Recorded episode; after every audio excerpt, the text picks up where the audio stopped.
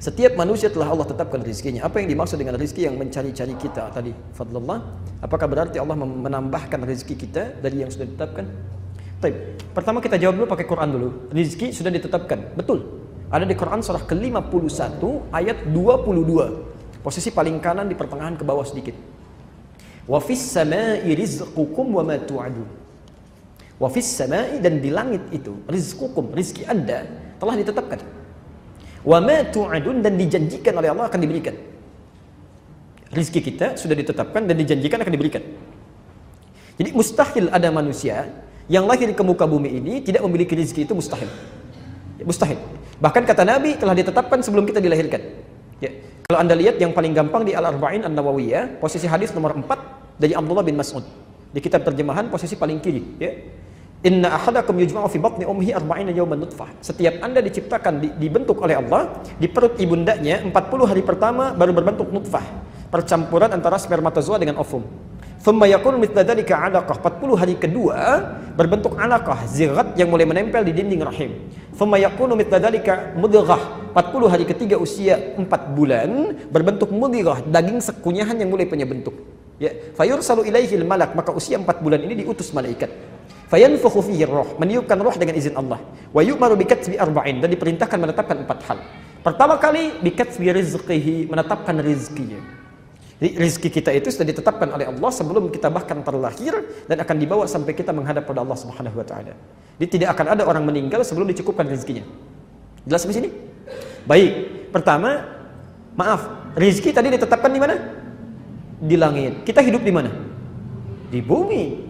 Masya Allah, maka rezeki itu mesti turun ke bumi. Ya kan? Mesti turun ke bumi. Karena itulah kemudian Allah turunkan rezeki ini ke bumi. Al-Baqarah ayat 29. Posisi paling kanan sebelah bawah. Huwallazi khalaqa lakum ma fil ardi jami'a. Dan kemudian Allah ciptakan, jadikan untuk kamu semua yang ada di bumi untuk kamu. Karena kamu tinggal di bumi, rezekinya kami turunkan ke bumi. Jelas ya? Rezeki ditetapkan di langit, kita hidup di bumi, diturunkan ke bumi.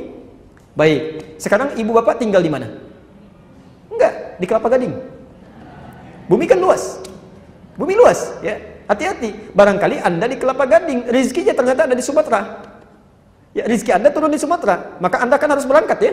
Kerja dapetin itu, ya. Di Kelapa Gading pun masih luas. Ya, tinggal di Istiqamah, rezekinya di mall misalnya kan, dekat mall sana. Maka kan harus berangkat kan? Harus kerja, harus beraktivitas.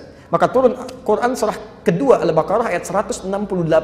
Posisi paling kanan sebelah bawah, ketentuan umum. Ya ayuhan nasu, hei manusia. Kulu mimma fil ardi halalan tayyiba. Silahkan anda bekerja, beraktivitas untuk cari makan itu. Ini bahasa kiasan, kinayah kalau dalam bahasa Arab. Meminjam satu kata, pas prototo untuk mewakili yang lainnya. Bapak kan ditanya, Pak mau ke mana? Mencari sesuap nasi. Ya, padahal nggak sesuap kan? Anda cari untuk di rumah, untuk pakai, untuk macam-macam. Ini bahasa Quran asalnya. Ya. Kulu mimma fil ardi, silahkan cari makan di muka bumi. Silahkan bekerja, aktivitas. Silahkan cari. Ya. Jadi pertama, rizki itu menuntut pencarian. Dan itu ditetapkan oleh Allah kepada seluruh manusia. Hukum Allah berlaku di bumi. Sunnatullahi fil kaun. Jadi maaf, maaf. Rizki itu, rizki itu pertama terkait dengan ikhtiar kita. Jadi kalau ada orang misalnya, mohon maaf ya, ada orang walaupun soleh sesoleh apa pun tidak mau berikhtiar, nggak akan turun juga. Dia harus cari. Ya. Dan tidak ada hubungan dengan iman. Kaya tidak ada korelasi dengan iman. Misal, mohon maaf, Kenapa ya saya sholat, tapi kok orang itu nggak sholat dia kaya? Ada kata-kata itu pak. Kami pernah bertaklim, ada orang mengatakan, Ustadz kenapa mesti sholat? Toh yang nggak sholat pun bisa kaya. Kami sampaikan syarat kaya itu bukan sholat. Syarat kaya itu bekerja. Jadi kalau anda nggak kerja keras seperti dia, ya nggak akan dapat rezeki anda. Sholat itu menjadikan kaya anda menjadi berkah. Harta anda bermanfaat, itu fungsi sholat. Dan bisa mempercepat, bisa mempercepat kalau sholat anda benar. Ya. Jadi hukum yang pertama, rezeki di langit, diturunkan ke bumi, kita harus cari. Nah, itu yang disebut dengan adlullah, keadilan Allah di muka bumi. Tapi kita bertanya, ya Allah, kita kerja, dia kerja, kita sholat, dia enggak. Masa sama? Apakah ada perbedaan? Ada, ada, ada. Allah akan percepat dia mendapatkan tanpa harus lelah mencarinya. Maka dipindahkan ayat untuk orang beriman. Dia kerja, dia beriman juga. Quran surah kedua di, di surah yang sama Al-Baqarah ayat 172 pindah ke kiri di pertengahan. Paling atas lihat ayatnya.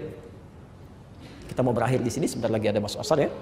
Ya ayyuhalladzina amanu, hei orang-orang yang beriman. Perhatikan, ayat yang pertama kan ya ayuhan nas ya. Kalau manusia itu, maaf, mencakup orang beriman saja atau umum? Umum, mencakup non muslim juga. Artinya kalau non muslim pun bekerja, dia mendapat rezeki. Tapi ayat ini ya ayyuhalladzina amanu, hei orang-orang yang beriman. Kalau beriman itu orang Islam saja atau non muslim juga? Islam saja. Ya ayyuhalladzina amanu kulu min thayyibati ma razaqnakum. Silahkan dapatkan rezeki yang telah kami sediakan. Bukan kita yang pakai, yang capek mencari, tapi Allah yang sediakan. Tapi yang menarik, perhatikan. Ketika Allah meminta mencari rezeki bagi orang-orang umumnya, manusia umumnya, kalimat halal dan tayyibnya muncul. Halalan tayyiban. Tapi ketika meminta pada orang beriman, kalimat halalnya dibuang. Tinggal tayyibnya dan dijamakkan bentuknya. Tayyibat. Kenapa halalnya dibuang? Karena orang beriman itu imannya akan menuntun dia mencari yang halal. Jadi kalau ada orang beriman mencari yang haram, itu tandanya ada yang salah dalam iman. Ada yang salah dalam iman. Dan kalau Anda selalu mencari yang halal, sekalipun sedikit, maka Allah akan tambahkan berkah di dalamnya menjadi banyak. Lihat, kalimat tadi halal dan tayyibah. Halal, tayyib, tayyibnya tunggal. Nanti kita bahas dengan rinci saat masuk ayat ini. Tayyiban itu bentuknya mufrad. Mufrad itu tunggal, satu. Jadi kalau orang-orang tidak beriman mendapatkan rezeki sebanyak apa pun kelihatannya sedikit. Satu aja kecil, kecil. Ya, satu miliar kecil aja. Sepuluh miliar sedikit aja. Makanya dibuat capek kerja lagi, kerja lagi, dapat dapat tapi kelihatan seperti kecil, nggak ada kenikmatan. Tapi orang beriman, tayyibat, dijamakkan bentuknya oleh Allah ingin memberikan pesan. Kalaupun kamu dapat kelihatan sedikit, tapi kami berikan berkah di dalamnya. Masya Allah. Diberikan 500 ribu, sebulan gak habis-habis. Mau makan, temannya traktir. Pengen buah dari dari desa kirim. Masya Allah. 500 ribu gak habis-habis. Orang 50 juta tiga hari habis. Masya Allah. Apa yang salah? Nggak ada keberkahan. Bapak pilih mana? 500 ribu berkah, 50 juta tidak berkah. Jangan katakan 50 juta berkah. Itu gak mudah deh. Tayyib. Jadi, nah, ada lagi yang hebat yang ketiga. Saya tutup Quran surah ke-7 ayat 96. Ini belum nyari, sudah turun. Dan kita tutup di sini. Belum nyari, sudah turun. Kalau yang tadi kan masih nyari ya? Nyari, dimudahkan. Yang ini tidak. Belum nyari, Allah sudah dekatkan. Siapa dia? Walau anna ahlal qura amanu wattaqau lafatahna alaihim barakatin minas sama'i wal Tadi rezeki ada di mana? Langit. Nyari di mana? Di bumi. Sekarang perhatikan, walau anna ahlal qura kalaulah satu penduduk kota, satu penduduk negeri, jangankan satu orang, sependuduknya dia beriman kepada Allah, dia tingkatkan takwanya, dia kerja, dia sholat juga, dia kerjakan sunnahnya, dia puasa sunnah, masya Allah, masya Allah. La fatahna alaihim, kami akan buka untuk orang ini barakatin pintu keberkahan rizki, masya Allah, minas samai wal langit dan bumi. Barakatin minas samai wal di langit, di bumi dibuka. Ya, kalau rizki ada di langit, cara kerjanya di bumi, pintunya dibuka dua-duanya, di mana lagi yang susah? Itu yang disebut dengan fadlullah, keutamaan yang Allah berikan. Jadi kalau pengen silahkan tunggangi ayat-ayatnya, praktekkan dalam kehidupan dan semoga Allah memudahkan kehidupan kita semua. Dan tidak cukup dengan amin, harus dipelajari dulu, praktekkan dulu, baru kemudahan itu akan didapatkan.